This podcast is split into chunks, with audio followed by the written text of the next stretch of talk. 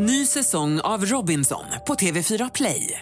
Hetta, storm, hunger. Det har hela tiden varit en kamp. Nu är det blod och tårar. Fan händer just nu. Det. är Detta är inte okej. Robinson 2024, nu fucking kör vi! Streama söndag på TV4 Play. Vi har ju bara konstaterat att vi är bättre på radio än tv därför att man slipper se oss. Det är väl liksom grund, grundstrategin. Men då, varför har du skaffat mustaschen då? Det är den, den tänker jag att du vill liksom ha med i, i, på bild. Ja, Eller är det bara för shits and giggles? Nej men Andrea sa att hon tyckte att jag skulle ha mer skägg och mustasch så att då skaffade jag det. Så, Ja. Men hon var nog inte riktigt beredd på vart det skulle ta vägen. Vad det skulle bli. Det är ett projekt som har urartat.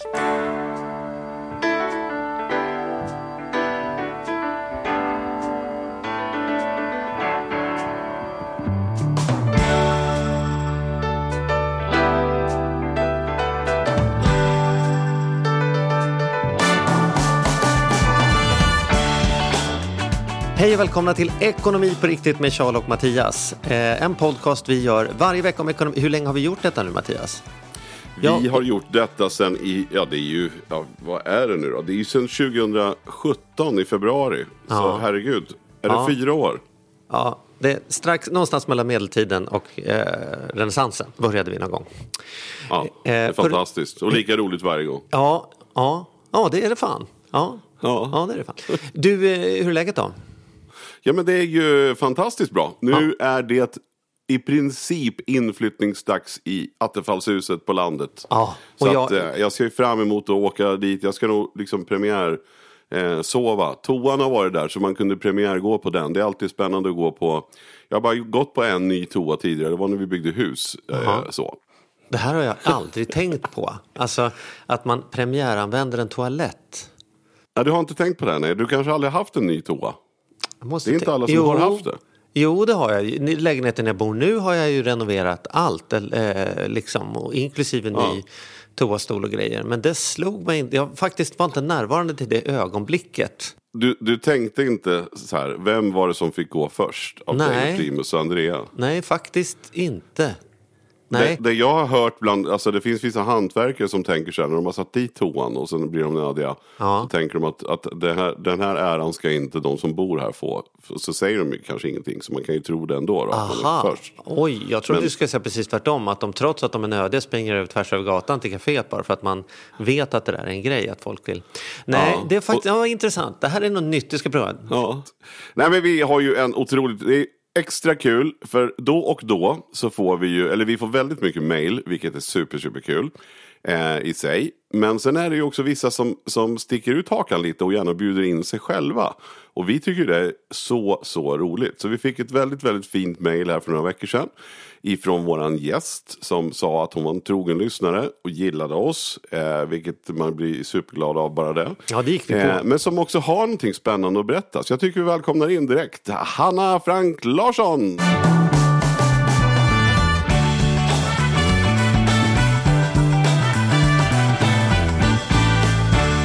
Varmt välkommen. Tack så mycket. Hej Hanna. Hej! Hur är läget? Det är bra.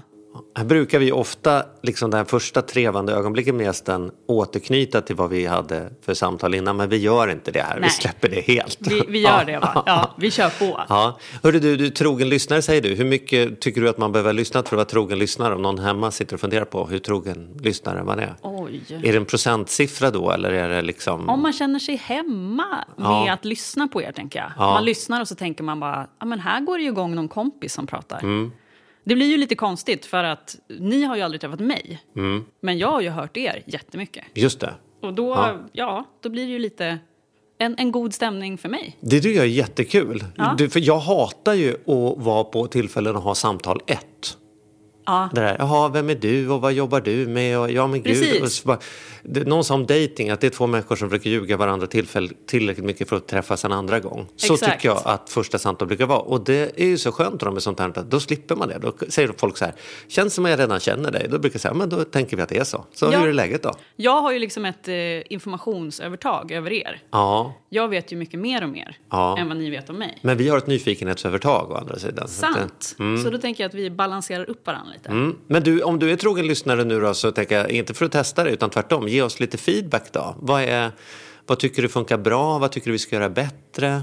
Jag tycker det funkar bra den här blandningen mellan vanliga människor, experter. Sen har jag gillat när ni har kört med eh, kändisar och gått igenom ekonomin. Kommer du ihåg något avsnitt ni gjorde, alltså way back med Lotta Lundgren?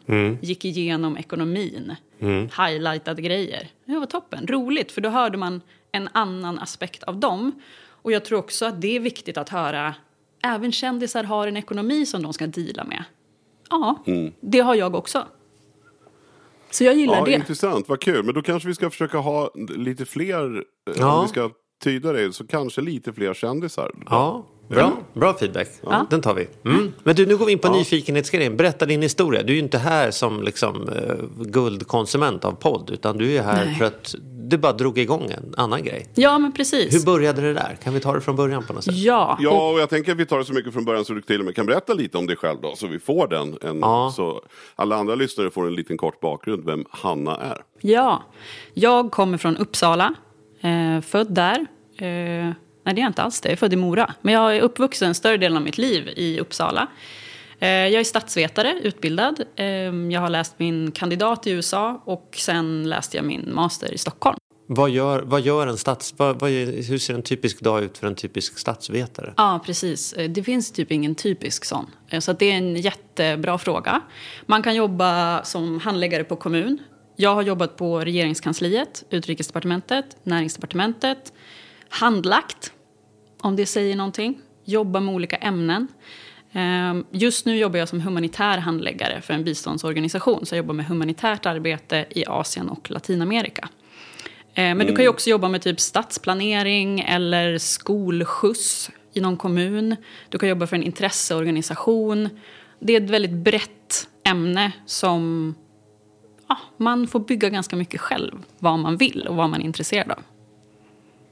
Det är häftigt alltså. Mm. Ja. Det är ja, verkligen intressant att det blir så brett att man kan ja, ha så många alternativ egentligen att jobba med. Precis, och så kan man inrikta sig i vad man skriver uppsats om och vad man gör praktik och sådär. Och jag är ju intresserad av internationella frågor så därför gjorde jag praktik på UD.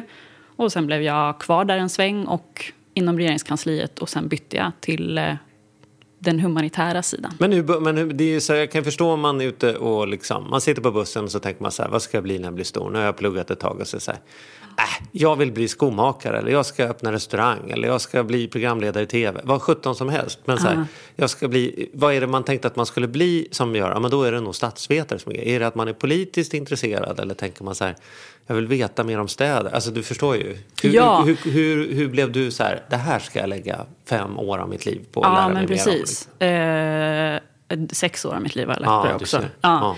Eh, för mig var det att när jag pluggade i USA så pluggade jag väldigt mycket olika grejer. Jag gjorde en så- sån här liberal arts utbildning. Eh, fyra år, man läser eh, statsvetenskap, eh, ekonomi, man läser, jag läste liksom lite astronomi, läste en kurs i fäktning.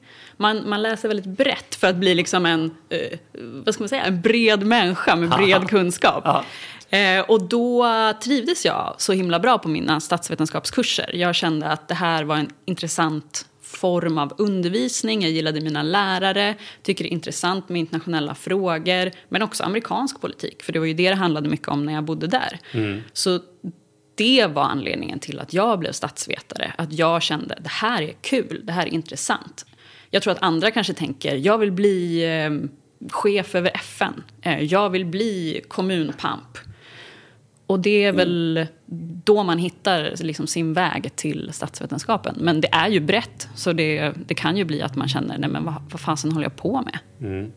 Men man kan byta också. Men kommer du bli kommunpamp innan du är färdig tror du? Eller? Det är väl en dröm jag har ändå. Ja. Eh, Har du tänker- valt kommun eller? Nej, det... Jag har jobbat lite på Uppsala kommun faktiskt. Ja, ja. Så jag tänker, det finns ändå några år kvar i arbetslivet som jag kan eh, spela på. Mm, Så absolut. Coolt. Då tycker du ska jobba för att det blir den första i Sverige som genuint får den titeln. Kommunpamp. Kommunpamp. Absolut. Står ja. det på, om, på, Det är alltså, det på mailen? I, bo, i, måtten, I botten på mejlen liksom, Ja, så precis. står det. Caps här- lock. Ja, här är Jessica. Kommunpamp. Ja. Ja. ja, drömmen. Ja, jag skriver upp det. Ja, men, Ja. Det tycker jag, det låter bra. Men sen var det någonstans för fem år sedan så fick du en idé, eller hur? Eller du började intressera dig i alla fall mer och mer för ekonomi, eller hur? Ja, det stämmer. Då var jag klar med min utbildning och eh, jag började då vikariera på Utrikesdepartementet. Och det var ganska korta vikariat, fyra veckor här, åtta veckor där. Så att eh, inkomsten var ganska svajig och då kände jag att jag behövde göra någonting åt att få ett jämnt flöde, ha koll, ha en buffert för när jag inte jobbade. Eh, så då började jag läsa på mer och då började jag kolla på investeringar, hur mycket buffert ska man ha, läsa på och kunna mer om det. Så att jag skaffade mig själv en hållbar ekonomi när jag hade en ganska låg inkomst och lite hackig. Så, så det var liksom upprinnelsen till mitt eh, ekonomiintresse och fokus. Och hur menar du med en hållbar ekonomi? Menar du utifrån ett, ett, ett vettiga liksom, klimatsmarta placeringar eller menar du att det var eh, kort och gott hållbart, alltså en bra ekonomi? Ja, men jag tycker att det handlar om båda delarna. Att eh, en mm. hållbar ekonomi för en själv handlar ju om att ha en ekonomi som känns stabil idag, imorgon och eh, lång tid framöver. Sen tycker jag att det finns en aspekt i hållbarhet som är klimat och miljövänlig också. Och jag tycker att de liksom hänger ihop med varandra. Eh, konsumerar du mindre, sparar mer, eh, då gör du också en mindre miljö och klimatpåverkan.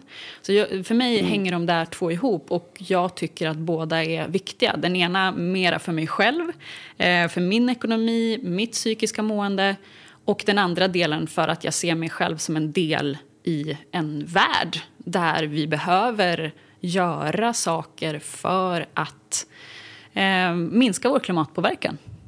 Det jag tycker är coolt oh. när du berättar så här det är ju att det finns en det, är inte, alltså det låter självklart när du säger det, men det är verkligen inte självklart. Du såg att du hade inte en förutsägbar och hållbar stabil ekonomi, så då läste du på och lärde dig mer om det området. Men du vet, redan det hoppet är, de flesta människor gör ju inte det hoppet.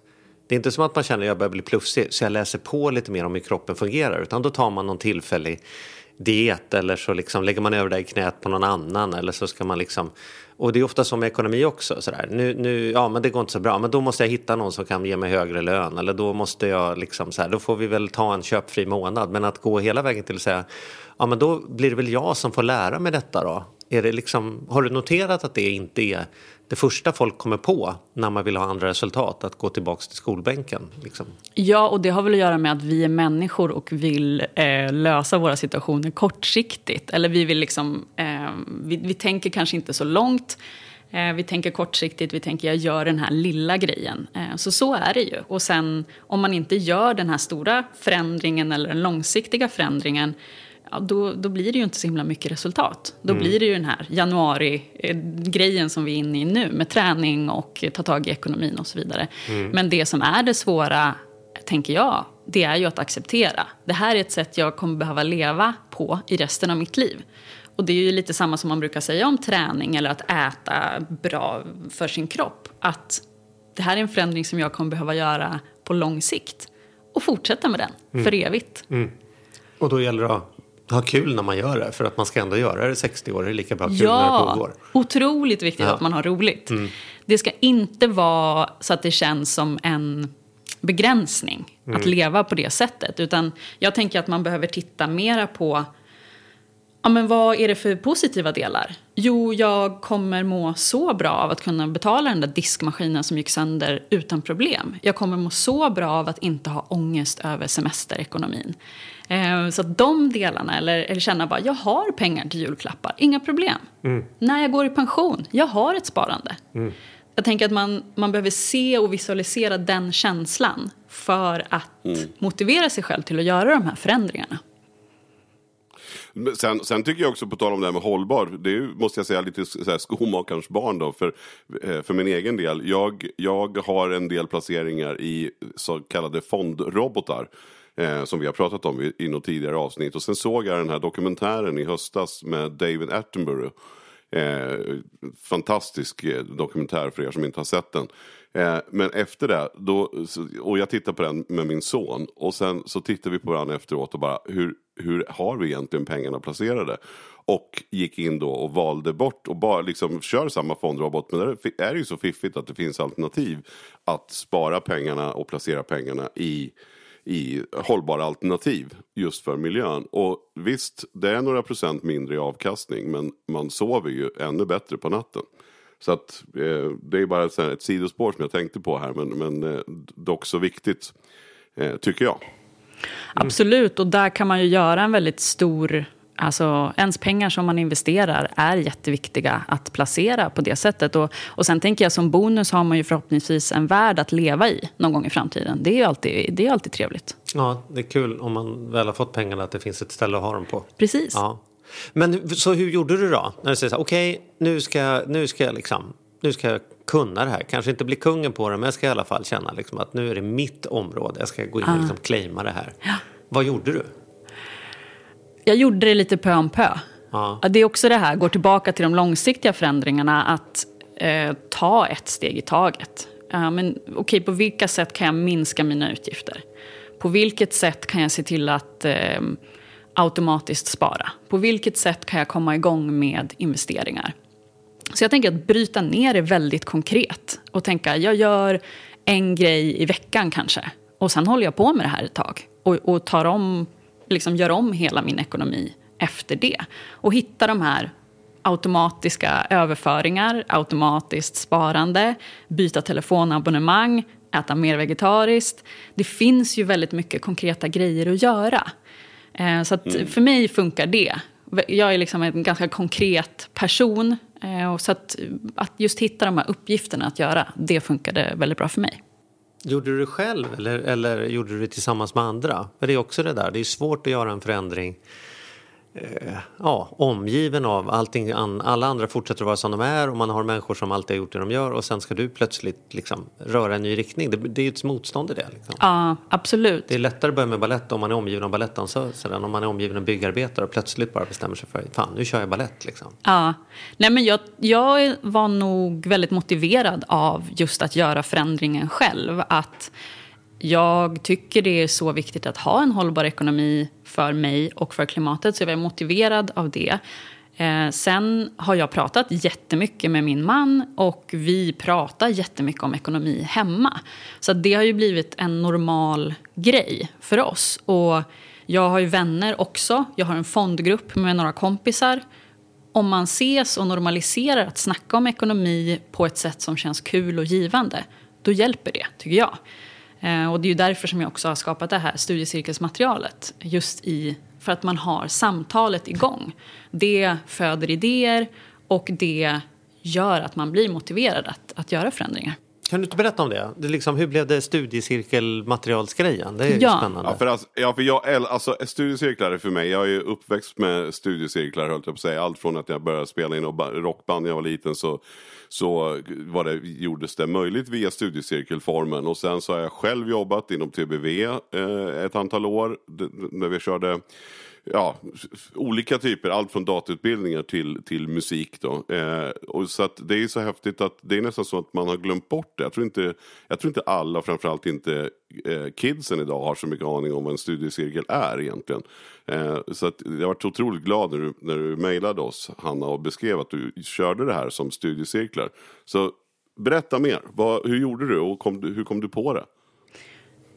Det här med studiecirklar, jag gick in och läste på lite igår faktiskt, just för att ha lite bakgrund. Och det är ju en gammal eh, historik i Sverige. Det, det har hållit på i typ hundra år. Och det är ju en del av vår demokrati att människor som är intresserade av ett ämne ses och pratar om det och lär sig av varandra, lär sig själva och hjälps åt. Och det finns ungefär tio studieförbund i Sverige, så det finns ju verkligen möjligheter att, att göra det här. Det som jag gjorde var att jag är också väldigt intresserad av hållbart mode, eller slow fashion, som är en, en liksom, liksom alternativ till fast fashion och kedjorna. Eh, och det finns en, en slow fashion-profil som heter Johanna Nilsson. Hon är superbra på slow fashion och hon hade gjort ett studiecirkelsmaterial med studieförbundet Bilda, som jag också då samarbetar med. Eh, Och jag gjorde den studiecirkeln tillsammans med några kompisar och tyckte att det var väldigt, väldigt bra format. Man ses fyra gånger, det är begränsat med tid, man vet vad man ska göra. Man tittar på en film i början och sen diskuterar man och funderar över vad vill jag göra, hur tänker jag kring det här, hur skulle jag kunna göra förändringar och vad kan jag lära mig mer om det här ämnet. Så att jag Just gjorde det. Och, och då är det också så, då är det också så att studieförbundet får ju också, man får ju liksom avgiften subventionerad eh, också ju. Därför att man samlas och får, får helt enkelt skicka in så får man ju pengar eh, tillbaka för att man gör de här grejerna. Så det finns ju många studieförbund. Eh, men, men det är det som är det fiffiga i det här också då, att, att det inte behöver kosta så mycket pengar. Nej, precis. Och, och de flesta studiecirklar är ju liksom gratis att genomföra. Man kan få hjälp med lokal. Just nu har vi kört med Zoom och då får man hjälp med att, att göra det online. Och så kan man få stöd och stöttning med material och sånt från sitt studieförbund. Men det jag gjorde då var att jag var superpepp på att göra en studiecirkel själv med fokus på hållbar ekonomi för att jag såg att det skulle vara någonting som mina kompisar skulle tycka var roligt. Jag satt på en kräftskiva och liksom pitchade den här idén till, till en kompis och hon sa jag vill vara med. Och då var det bara att köra. Så att jag körde studiecirkeln eh, och hittade på själv. Liksom. Gjorde ett upplägg, fyra träffar och eh, delade upp det. Och sen hörde Bilda av sig till mig eh, i höstas och frågade om jag kunde ta fram ett material till dem. Ja, vad roligt. Det är ju fantastiskt. Ja, jag tycker det var jättekul för att jag var sugen på att göra ett material men det var också väldigt härligt att få frågan. Och då har du gjort ett material så att man, man behöver inte en dig utan man kan, är man några stycken som vill lära sig men man har ingen som vill lära ut utan alla vill bara lära sig så finns det ett färdigt material som man bara kan säga men då kan man gå igenom det här, köra det, så gör vi det ihop. Som Precis. en liksom, bokcirkel där alla läser samma bok fast liksom ekonomicirkel där vi gör samma grej. Exakt. Och då finns det här materialet, det är upplagt på fyra träffar. Det finns poddtips, det finns materialtips och det finns liksom ett färdigt upplägg. Så att vem som helst som vill göra en studiecirkel om hållbar ekonomi kan göra det. Var, var det svårt att göra materialet? Var det liksom, eller bara trillade du ur dig på fem minuter? Eller var det som jäskligen, hur får vi till det här? Liksom? Det var både och. Det var skönt att ha eh, min kontakt på Bilda, Charlotte, att kunna bolla med eh, och Maria som gör själva ja, videos och, och um, layout och sånt. Men eh, det var väl svårt att göra det på en nivå som är både så att man får instruktioner men inte för bundet. För tanken med en studiecirkel är också att man ska utforma det efter personerna som är med. Ja, men vill vi snacka pension, gör det. Vill vi snacka hur sänker man sina kostnader, gör det. Men, men liksom det här upplägget då som, som är gjort på fyra träffar, det kan man ju följa och sen kan man ju lägga till och dra ifrån utifrån hur man själv känner. Det problemet finns ju, det, det möter jag och Mattias när vi kommer till liksom ekonomifrågan. Att det finns en önskan om att, man ska bli, att vi ska bli så konkreta som möjligt. Men blir man för konkret så blir man ju också specifik på ett sätt som gör att för 95 procent passar inte. Ja, men jag har ingen bil jag kan sälja. Eller ja, men jag driver ju eget företag. Eller jag bor ju på landet. Det finns inga buskar. Alltså, så här, det, det är ju en utmaning med ekonomi. Att det, det är inte så himla lätt att bara säga det är bara att göra så här, så här, så här och så funkar det för alla. Nej. Då blir det ju oftast mer generella råd än vad det blir specifika råd. Liksom. Verkligen. Och jag tänker att en förhoppning som jag har med det här materialet är ju att de som använder det ska känna trygghet i sig själva. Ja, men jag kan hantera min ekonomi, för det kan man. Ehm, och som du säger, det är svårt för man vill inte säga gör så här, peka med hela handen. Utan för att få till en långsiktig hållbar situation då ska man ju utgå från sig själv som person och känna jag litar på mig, jag litar på min kapacitet. Jag klarar av det här. Hur gör man om, man om man sitter och lyssnar och tänker så här, men gud det där skulle jag vilja liksom vara med på. Hur ser liksom processen ut? Behöver man kolla upp om det finns någon eller kan man bara skapa en? Eller liksom, Det är bara att, skapa en. Eh, man går in på bilda.nu snedstreck hållbar ekonomi. Där finns all information man behöver och då hör man av sig till eh, Charlotte Backlund som är kontaktperson från Bilda och säger jag vill köra en studiecirkel med, med de här personerna. Kan du hjälpa mig att göra det? Och då får man tillgång till det här materialet eller samtalsguide som det kallas också. Eh, och sen är det bara att köra. Coolt. Och vad får man, vad får man då, då? Vad får man göra? Vad, vad, vad är det som du tycker ingår i om, man liksom, om vi skulle få snabbgenomgången av Ja. liksom, Ja, studiecirkeln? ja, för det skulle vara kul. Precis, jag tycker det skulle vara roligt att höra vad, vad, vad, vad du tycker är viktigast, Hanna. Var börjar man? Det tror jag är många som, som tänker på det här att ja, jag vill få ordning på min ekonomi eller jag vill få mer, en mer hållbar ekonomi. Men, men vad är steg ett i cirkeln liksom? Ehm, Det är fyra träffar. då. Första gången, och det här tänker jag är viktigt för studiecirklar generellt. Då träffas man, man kanske inte känner varandra, det kanske är bekanta eller kollegor. Och det här med ekonomi kan ju vara lite känsligt, jobbigt för vissa att prata om. Och därför är det viktigt att man under första träffen skapar ett tryggt rum. Man pratar om sina förväntningar. Vad vill jag åstadkomma? Vad vill vi åstadkomma? Vad vill vi prata om? Vad finns med i materialet? Vad vill vi eh, använda och vad känner vi att vi vill lägga till? Ehm, så det fokuserar man mycket på första gången och att prata om sin egen situation. Alltså jag har ju kört cirklar med folk mellan ja, kanske 20 och 35. Eh, Men cirkeln går att göra med alla såklart. 20 till 35 år gamla, inte 20 till 35 personer. Nej, Ja. nej gud, då skulle man ju ha pratat. Uh, Ja, Jag har aldrig fått asyl i vädret. Ehm, men mm, studenter, ensamstående, folk med barn, folk med mycket pengar. Ehm, så att man, att man berättar lite om sina förutsättningar och vad man själv vill ehm, lära sig och göra. Så det gör man eh, första träffen. Och sen går man också igenom inför andra träffen. För då ska man göra en sån här översikt över sin ekonomi. Och då brukar vi göra tre månaders översikt. Och den kan ju vara lite bitig. Eh, att kolla sina inkomster och utgifter senaste tre månaderna och räkna på ett snitt. Men anledningen till att jag har valt att lägga det där i början det är för att man ska känna att jag har koll på vad mina inkomster och utgifter är. Inga värderingar i det, men frågan är, är jag nöjd? Vill jag lägga mer pengar på någonting? Vill jag lägga mindre pengar på någonting?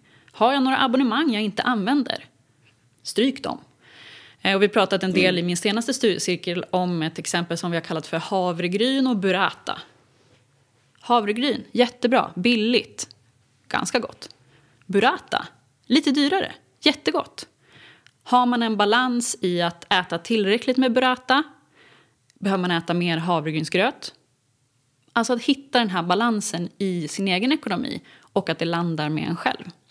Så under träff två så pratar man ganska mycket om ja, hur man själv ser på sin ekonomi. Vilka förändringar man vill göra, hur man vill gå vidare. Och det brukar faktiskt ta ganska mycket tid. För att många får upp tankar, man börjar tänka vad är det för beteenden jag har? Kopplar jag till känslor?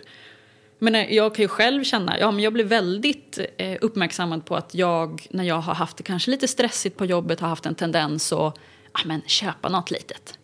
Något litet nagellack, någon liten hårspray, lite sådana där grejer. Men att man då kan fundera på, är det det här jag vill göra? Skulle jag kunna hantera mina känslor och mitt beteende på ett annat sätt? Så det är, det är träff två då, att man pratar väldigt mycket om det där. Och sen träff tre, investeringar. Fokus på investeringar. För det är någonting som många känner sig rädda för, känner sig oroliga för och har dåligt samvete för. Man känner börsen, the fuck. Jag vet ingenting. Och då är det ju också viktigt att ha det här trygga rummet, eh, prata om hur gör man då? Eh, och jag har själv medvetet valt att inte gå, nörda ner mig för mycket i börsen. Jag bara kör mina automatiska överföringar, kör framförallt globala indexfonder, men lite aktier här och där för att det är kul. Men där handlar det ju om att man snackar om, men vad är det med börsen? Ränta på ränta-effekten, vad är det? Vad är avgift? Vad händer? Varför ska jag ha en lång sparhorisont? Och så vidare. Och sen träff fyra, då är det lite som ett uppsamlingshit. Man snackar om saker som man kanske har glömt, de andra delarna, eller vill följa upp på. Ehm, man kanske vill prata pension, man kanske vill prata om något annat. Ehm, jag hade en avslutning med senaste cirkeln här i veckan. Då hade alla med sig varsitt case. Så att alla fick presentera. Okej, jag har pengar som jag vill investera. Vad ska jag göra? Eller, jag har barn. Hur ska jag spara till dem? Hur blir man av med dem? Ja, hur blir man av med dem? Kan någon ta dem, tack? Ehm, så det har varit, den, den fjärde träffen är väldigt öppen för deltagarna. vad har man kommit fram till som man vill fokusera mer på under de här första tre träffarna? Och vad, vad ta, vill man ta med sig framåt? Hur ska jag göra för att ha den här hållbara ekonomin idag, imorgon och lång tid framöver? Spännande. Vad Nej, har du fått för så, det är så reaktioner? klockrent. Vilket otroligt bra format måste jag säga. Alltså, och just att alla kan göra det.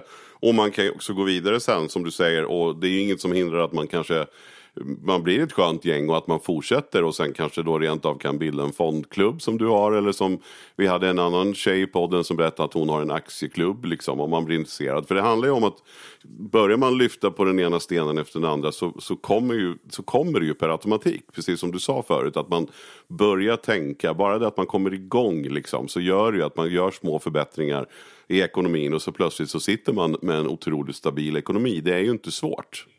Precis. Och nu när vi snackade senast med min, med min cirkel, då var det ju supermånga som var pepp på att köra. Ska vi ses en gång i månaden, ta en AV, snacka ekonomi. Absolut. Eh, för de har ju sänkt tröskeln och det känns inte jobbigt att prata om ekonomi. Och man har förtroende för de här personerna. De här människorna kände inte varandra när vi började. Men det har varit otroligt kul att prata ekonomi tillsammans med dem. Och någonting som vi fortsätter att göra på ett kul sätt. När du har tittat på de här person- personerna liksom, och fått varit med på deras resa. Vad är det som har stuckit ut för dig? Som att du har blivit mest inspirerad över eller förvånad över eller liksom som är återkommande? Du sitter ju med en ganska unik liksom, inblick i liksom, hur det här blir ur ett nybörjarperspektiv. Ja, jag tycker det är så otroligt glädjande när jag ser eh, och hör från någon jag har inte längre ångest kring min ekonomi. Jag har gått och Eh, känt mig osäker på min ekonomi, inte tagit tag i den. Men nu känner jag mig liksom att ja, men det har, jag är avslappnad.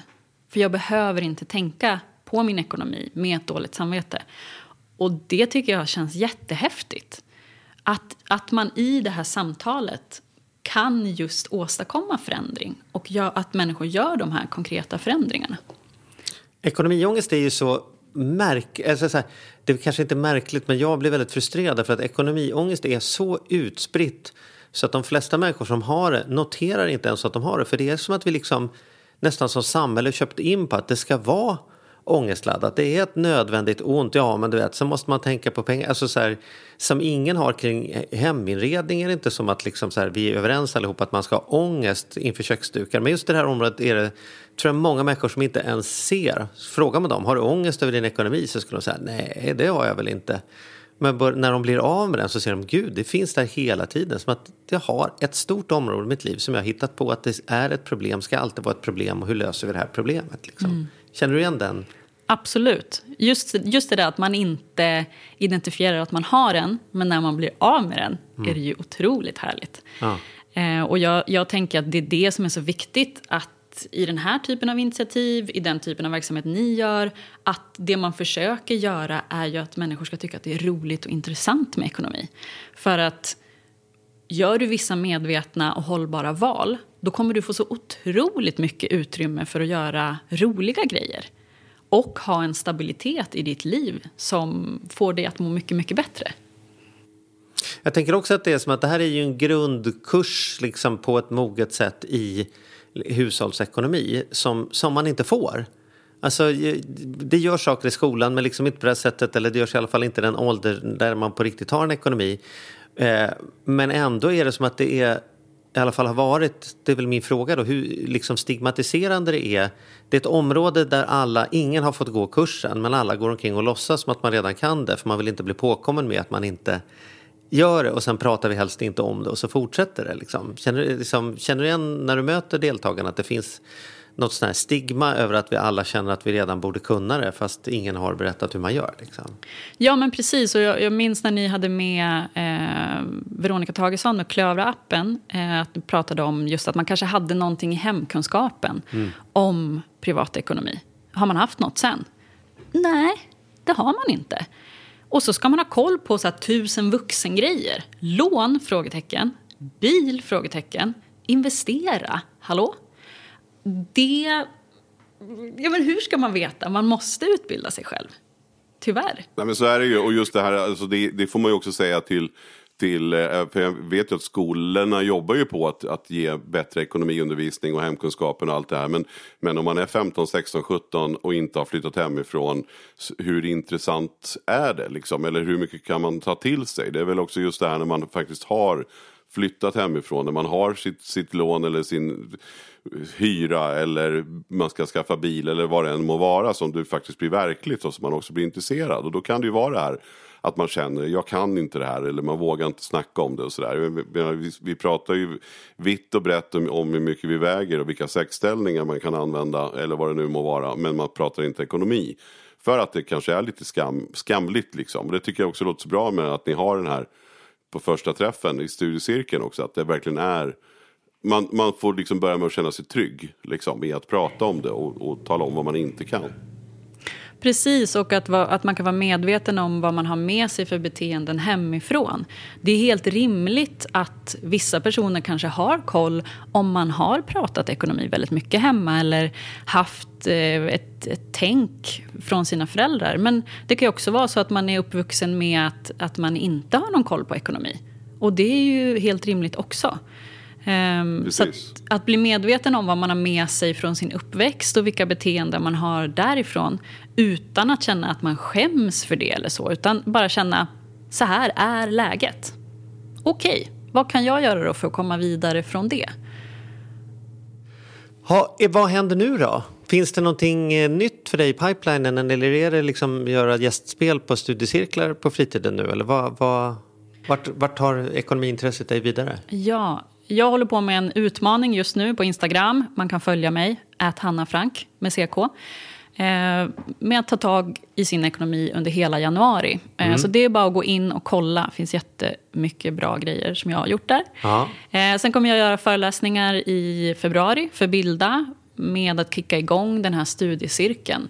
Ah, ja, så pre- precis. Så nu när vi sänder detta är, är, kan det vara precis Exakt. läge att hoppa in och kolla på en föreläsning då? Ja, gå Ja. in på Bildas hemsida och kolla. Det kommer vara på Zoom och jag kommer göra två inspirationsföreläsningar där. Efter det, jag vet inte. Europaturné? Jag tänker det. Kan inte någon eh, be mig skriva en bok? Ja. Hallå? Ja, Om det är någon som lyssnar? Ja. Självklart ska du skriva en bok. ja. Eh, Visst ska jag det? Ja, ja, det är Ja. ingen det är absolut. Kanon.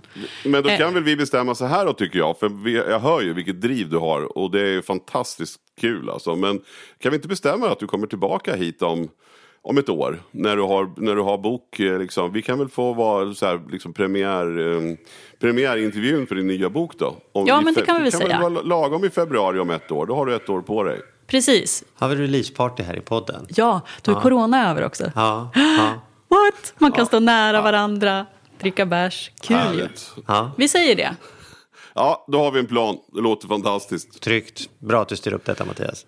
Men som sagt var, in på bilda.nu och sen kan man söka på ekonomi i, den där i ekonomirutan och så kommer ni hitta eh, studiecirklar. Man kan också söka på Hanna Frank Larsson eh, så kommer det också upp. Har jag noterat när jag gjorde min lilla research. Toppen. Bra. Och vi då Charlie, kommer vi tillbaka om en vecka? Eh, det vet man ju aldrig. Vi börjar bli gamla du och jag. Men om inte eh, döden hinner ta oss så utgår vi ifrån att vi drar igång ett avsnitt nästa vecka också. Det är så vi har planerat i alla fall. Ja, det är så vi, det är så vi Ja, tänker. och jag känner det mig bra fräsch. hittills. Jag har varit på medicinsk fotvård. Det är ju en verklighetscheck att jag börjar bli gammal. Men bortsett från det så tror jag, men jag, jag, jag, jag sätter pengar på att jag håller en vecka till faktiskt. Ja, snyggt. Bra då. Ja. Härligt. Ha- Hanna, tack så mycket för att du kom och berättade din fantastiska resa med de här studiecirklarna. Otroligt inspirerande att höra. Och se till nu att du fortsätter lyssna. Eh, Det känns som att vi kanske inte har så mycket att lära dig längre. Men eh, vi får hoppas att du hänger kvar hos oss ändå. Absolut. Tack för att jag fick komma. Tack. Tack. Ha det gott. Hej då!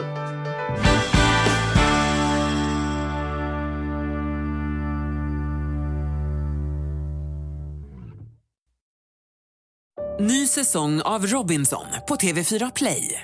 Hetta, storm, hunger. Det har hela tiden varit en kamp. Nu är det blod och tårar. Fan händer just nu. Det. är Detta är inte okej. Robinson 2024, nu fucking kör vi! Streama söndag på TV4 Play.